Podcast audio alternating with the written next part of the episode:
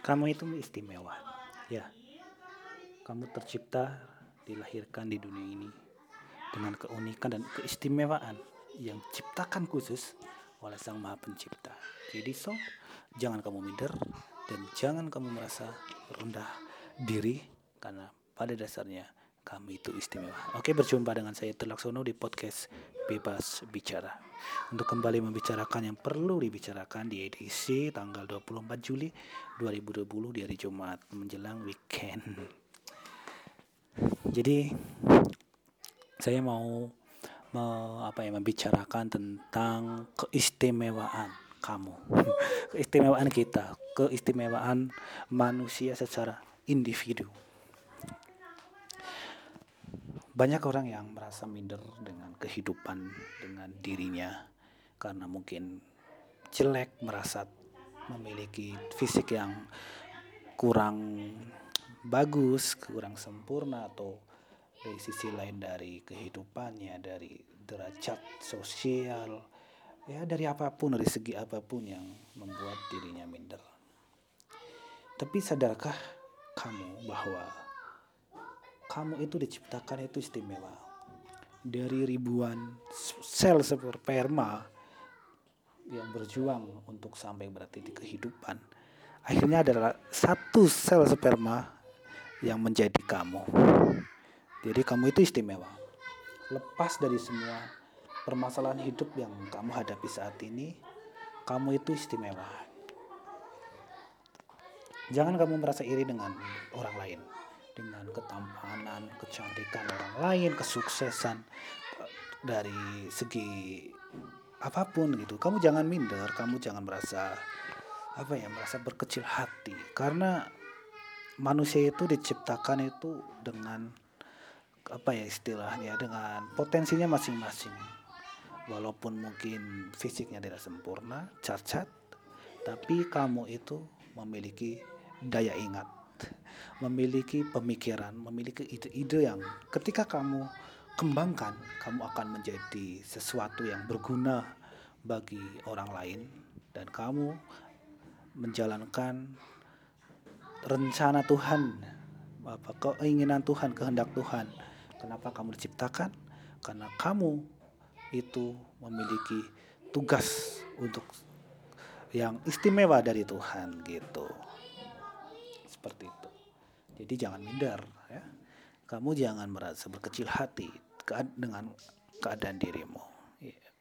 Btw, mohon ma maaf ya kalau podcast ini banyak noise-noise-nya, maklum saya merekam di ruangan yang tidak kedap suara jadi ada suara-suara dari luar anak-anak sedang main jadi ramai gitu tapi nggak apa-apa mudah-mudahan ini tidak menghilangkan pemahaman kamu dengan apa yang sedang saya bicarakan di episode ini terkaitan dengan kamu istimewa. Saya pribadi jujur pernah berada di titik di mana saya merasa minder dengan kehidupan diri sendiri. Dari pendidikan, dari perekonomian, dari paras, dari mentalitas itu saya merasa minder melihat orang lain kok kayak lebih hebat, lebih cemerlang, tapi saya kok kayak gini-gini banget. Akhirnya saya menjadi orang yang tidak percaya diri, menjadi orang yang minder gitu. Padahal kalau disadari, banyak potensi dalam diri yang kalau saya kembangkan itu bisa menjadikan diri ini sesuatu diri yang sukses gitu yang bermanfaat bagi orang lain dan menciptakan kebahagiaan bagi diri sendiri. ya. Saya melalui perjalanan yang begitu panjang untuk sampai pada titik pemikiran-pemikiran baru seperti akhir-akhir ini. Di mana saya sudah mulai menerima diri, saya sudah mulai berdamai dengan kekurangan-kekurangan yang ada dalam diri, saya menemukan pemikiran-pemikiran baru, pemahaman baru, pengetahuan baru, semua melalui proses yang panjang dari kesakitan, dari proses yang apa ya istilahnya itu berdarah-darah. Saya merasa pernah berada di titik paling bawah di mana saya merasa hidup tidak berguna. tapi di titik sekarang ini saya merasa bahwa saya istimewa dan ke, sadarkah kamu pendengar dari podcast ini bahwa kamu juga istimewa kamu dalam keadaan apa pun kamu itu istimewa sadarkah kamu ketika kamu terlahir di dunia ini dari ibumu kamu sudah mengemban keunikan kamu sudah memiliki keistimewaan dan Tuhan menciptakan kamu bukan iseng. Dia yang maha kuasa menciptakan kamu itu dengan detail, dengan sempurna.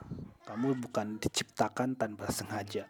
Kamu diciptakan itu dengan rencana Tuhan yang agung untuk hidup kamu. Ya, tugas kamu ya menemukan apa rencana Tuhan dalam hidupmu yang harus kamu uh, kerjakan gitu. Orang-orang yang gagal itu adalah orang-orang yang tidak menemukan jati diri, orang-orang yang tidak menemukan apa keinginan Tuhan, apa tujuan Tuhan menciptakan dirinya gitu. Untuk menemukan tujuan hidup, kamu tidak bisa menemukan tujuan hidupmu sendiri. Kamu harus menemukan tujuan Tuhan menciptakan kamu gitu. Kayak misalnya handphone. Handphone diciptakan uh, oleh seseorang itu dengan tujuan dari si pencipta gitu. Jadi bukan handphone itu sendiri yang menemukan tujuan hidup, tujuan hidupnya, tujuan uh, apa ya tujuan. Oh ya kalau diistilahkan hidup ya bukan handphone itu yang menemukan tujuan hidupnya, tapi penciptanya lah yang menciptakan handphone itu untuk tujuan dari si pencipta itu gitu ya mungkin tujuannya untuk menciptakan manfaat bagi orang lain untuk menciptakan komunikasi yang efektif dengan or, untuk orang-orang yang ada di dunia ini ya sampai saat ini di smartphone gitu kan kalau kamu sampai sudah sampai pada titik kamu bisa mendengar podcast ini kamu itu adalah orang yang luar biasa. Kamu itu orang yang memiliki fasilitas hidup yang terbaik. Kamu bisa memiliki handphone, kamu memiliki pendengaran, ya, kamu memiliki pemikiran yang bisa mencerna hal-hal atau pembicaraan atau hal-hal yang perlu dicerna kayak kayak kayak mungkin kata-kata saya ini kan mengandung filosofi-filosofi yang ribet gitu kan tapi kamu bisa memahaminya kamu itu istimewa gitu jadi temukan potensi terbaik dalam dirimu ya kamu diciptakan itu dengan bakat-bakat yang terbaik, yang istimewa, yang apa ya, yang mau nggak mau itu sudah melekat dalam dirimu. Tapi kegagalan orang biasanya adalah karena dia sudah melihat orang lain, dia iri terhadap orang lain, dia meniru orang lain, akhirnya dia gagal menemukan jati dirinya dan dia tidak menemukan kebahagiaan atau tidak menemukan kesuksesan yang orisinil yang memang Tuhan sudah mau. Yang sudah Tuhan rencanakan yang sudah Tuhan ciptakan dalam dirinya. Tetapi karena oh, seseorang yang tidak tidak berjuang untuk menemukan rencana Tuhan tidak berjuang untuk uh, menemukan bahagia versi dirinya yang terjadi adalah ya dia menemukan diri dengan versi versi tiruan atau apa ya kayak KW ya barang KW meniru orang lain itu sesuatu yang apa ya sesuatu yang menurut saya tidak tepat dan salah gitu karena seperti yang saya bilang tadi bahwa setiap individu diciptakan itu secara istimewa gitu secara khusus. Dengan bakat-bakat dengan karakter dengan DNA gitu.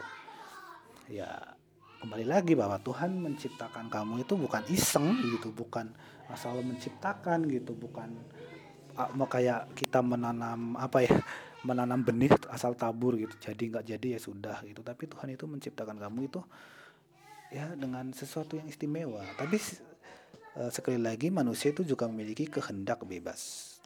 Atau Tuhan itu menciptakan manusia itu dengan pikiran, perasaan dan kehendak yang bebas. Jadi Tuhan itu tidak mengontrol hidup kamu, tidak mengontrol hidup kita kayak robot gitu. Jadi kamu juga memiliki kehendak untuk memilih, memilih melakukan sesuatu yang positif atau memilih melakukan sesuatu yang negatif. Segala hal itu ada konsekuensi dan uh, hasilnya. Jadi kamu memilih yang buruk, kamu akan menerima konsekuensi. Kamu memilih yang baik, kamu akan menerima juga sesuatu yang uh, yang baik juga gitu. Ya lepas dari semua proses gitu. Karena di dalam kehidupan ini kita berbuat baik pun tidak otomatis tidak selalu otomatis mendapatkan sesuatu yang baik. Karena kalau diibaratkan buah kita berbuat baik. Kalau buahnya belum matang ya kita belum mendapatkan buah yang kita tanam gitu. Jadi melalui proses gitu ya. Jadi segalanya sih melalui proses gitu. Di dalam kehidupan ini tidak ada yang instan semua melalui sistem gitu karena mie instan pun tidak otomatis bisa dimakan. Tapi ya bisa hanya melalui proses melalui uh, direbus lah dimasak lah baru bisa dinikmati. Gitu. Karena sesuatu yang instan itu nggak ada di dunia ini. Semua melalui proses melalui ciptaan melalui sistem. Gitu. Balik lagi bahwa manusia itu diciptakan istimewa dengan kehendak bebas. Jadi kehendak bebas inilah yang membuat manusia itu bisa pada titik mencapai kesuksesan dan kebahagiaan atau men berada di titik kegagalan dan penderitaan begitulah jadi Tuhan itu tidak menciptakan kita seperti robot. Jadi Tuhan tidak menciptakan kita mau kita jahat, kita baik itu itu bukan peran Tuhan. Kalau ada pertanyaan, kalau ada pertanyaan seperti ini. Kalau Tuhan Maha Kasih, Maha Penyayang, kenapa ada penderitaan? Kenapa ada bencana di dalam kehidupan ini? Kenapa ada baik, ada jahat? Apakah kebaikan dan kejahatan Tuhan yang menciptakan? Ada pertanyaan seperti itu. Kalau menurut pemahaman saya, tidak bahwa Tuhan menciptakan itu sempurna. Ciptaan Tuhan itu sempurna, tanpa cacat dan celah. Tetapi pilihan manusia untuk memilih yang jahat itulah yang menjadikan kehidupan ini bermacam-macam, ada baik dan ada yang buruk. Yang menurut yang saya pahami, yang saya ketahui bahwa manusia pertama Adam dan Hawa itulah uh, awal dari apa ya terjadinya uh, tragedi kehidupan yang penuh dosa di dalam dunia ini. Jadi Tuhan menciptakan dunia ini, menciptakan manusia itu dengan kesempurnaan.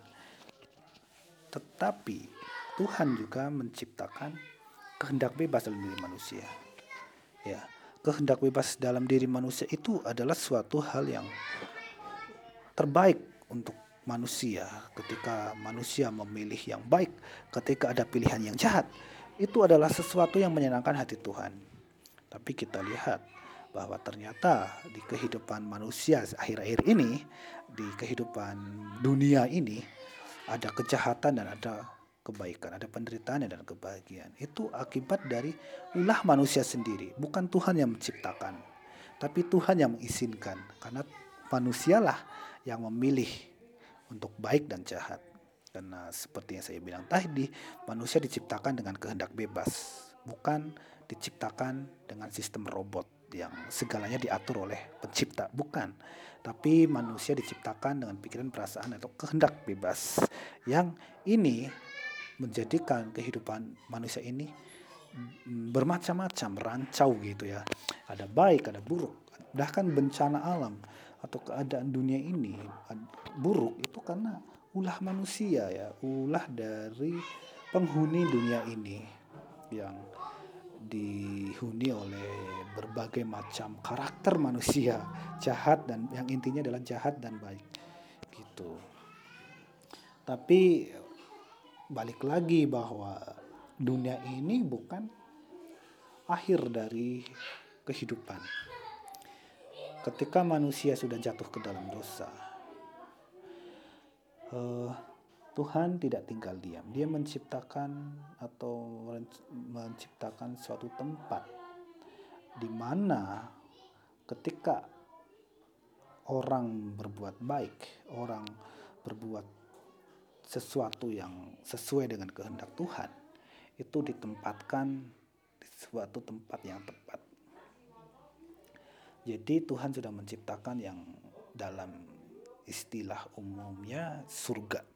Surga adalah untuk orang-orang yang uh, dikehendaki Tuhan artinya surga itu tempat orang-orang yang melakukan kehendak Tuhan untuk orang-orang yang tidak merugikan orang lain, tidak menyakiti orang lain dan tidak membahayakan orang lain. Yang menurut Tuhan berkenan untuk masuk surga, itulah tempat yang tepat bagi manusia yang memiliki kehendak dengan keinginan Tuhan. Jadi menurut pemahaman saya bahwa manusia itu tidak berhak apa ya mengklaim bahwa dirinya masuk surga atau mengklaim orang lain masuk neraka atau surga karena yang berhak memilih manusia masuk surga atau neraka adalah penilaian dari Tuhan sendiri, pilihan dari Tuhan sendiri. Tetapi kita sebagai manusia harus melakukan semaksimal mungkin trek-trek atau jalan-jalan yang terbaik yang itu sudah dirumuskan oleh Tuhan. Tuhan itu menciptakan suatu sistem di mana ada hukum tabur tuai. Jadi kalau menabur yang baik akan mendapatkan yang baik. Kalau menabur yang jelek akan mendapatkan yang jelek. Gitu. Ya, seperti itulah. Jadi tidak ada alasan bagi kamu untuk merasa minder, untuk kamu merasa gagal dalam kehidupan ini. Ketika kamu masih bisa bernafas, masih sehat, masih bisa mendengar podcast ini, masih berpikir dengan sehat, memiliki mental yang oke, okay, itu artinya kamu memiliki potensi untuk kamu sukses. Sukses baik di dunia maupun sukses di akhirat, dunia akhirat gitu ya. Luar biasa. Tapi sekali lagi bahwa kehidupan ini tidak selalu menawarkan kemudahan. Kehidupan ini menawarkan suatu hal yang itu tidak pasti. Kehidupan ini menawarkan ketidakpastian, tapi dari ketidakpastian kita bisa menemukan kemungkinan, kemungkinan untuk sukses atau kemungkinan untuk gagal lakukanlah yang terbaik ya. Kamu bisa menemukan diri dalam versi kamu. Kita tidak akan sukses secara benar. Kita tidak akan sukses secara hakiki gitu ya. Kalau kita tidak bisa tidak mau mendekat kepada pencipta mendekat kepada Tuhan. Kesuksesan yang terbaik kebahagiaan yang terbaik dalam kehidupan ini ketika kita bisa menemukan kehendak Tuhan, menemukan rencana Tuhan dalam hidup kita masing-masing. Aku filosofi banget ya, saya filosofi banget dalam podcast ini, tapi ya inilah yang hendak saya sebagikan. Saya tadi menemukan ide-ide ini berkaitan dengan istimewa, kamu istimewa itu di dalam perjalanan pulang dari tempat kerja sembari mendengarkan lagu saya menemukan sesuatu yang perlu saya sharingkan.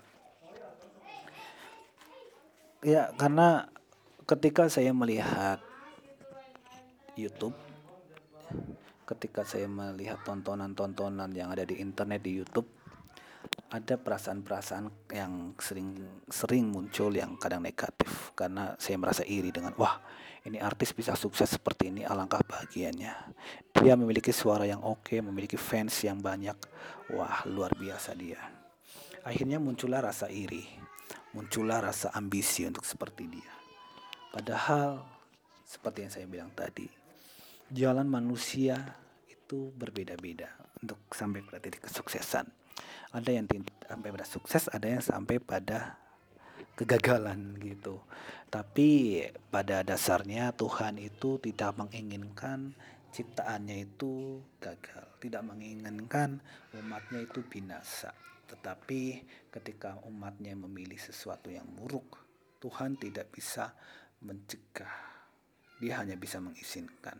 Ketika sudah diperingatkan tetap ngotot, ya Tuhan membiarkan biarlah kehendaknya yang jadi kehendak si manusia itu yang jadi ya Tuhan menciptakan sistem dia menciptakan uh, hukum di mana itu bisa berguna bagi manusia untuk sampai pada titik kesuksesan dan kebahagiaan baik dunia dan akhirat. Oke, kayak aku kayak sudah kayak jadi penceramah ya. Oke, ini aja yang saya sampaikan lah ya. Jadi daripada nanti ngalor ngidur nggak jelas, nanti kamu tambah pusing mendengar filosofi-filosofi saya yang kalimatnya kalimatnya kadang tidak tertata dengan baik. Oke lah. Eh, sekali lagi mohon maaf kalau ini podcast ini banyak noise noise-nya, banyak suara-suara yang mengganggu di belakang saya yang menjadi background. Karena sekali lagi saya merekod di ruang yang tidak kedap suara, jadi banyak suara anak kecil, suara ini itulah yang istilahnya menjadi noise. Ya anggap aja ini sebagai background ya. Oke. Sampai jumpa. Terima kasih kalau kamu sampai di detik ini mendengar podcast ini. Eh, nanti kita jumpa lagi di podcast edisi berikutnya dengan sesuatu yang berbeda lagi dengan ide-ide pemahaman pemikiran yang baru dari saya. Oke saya telepon undur diri dan see you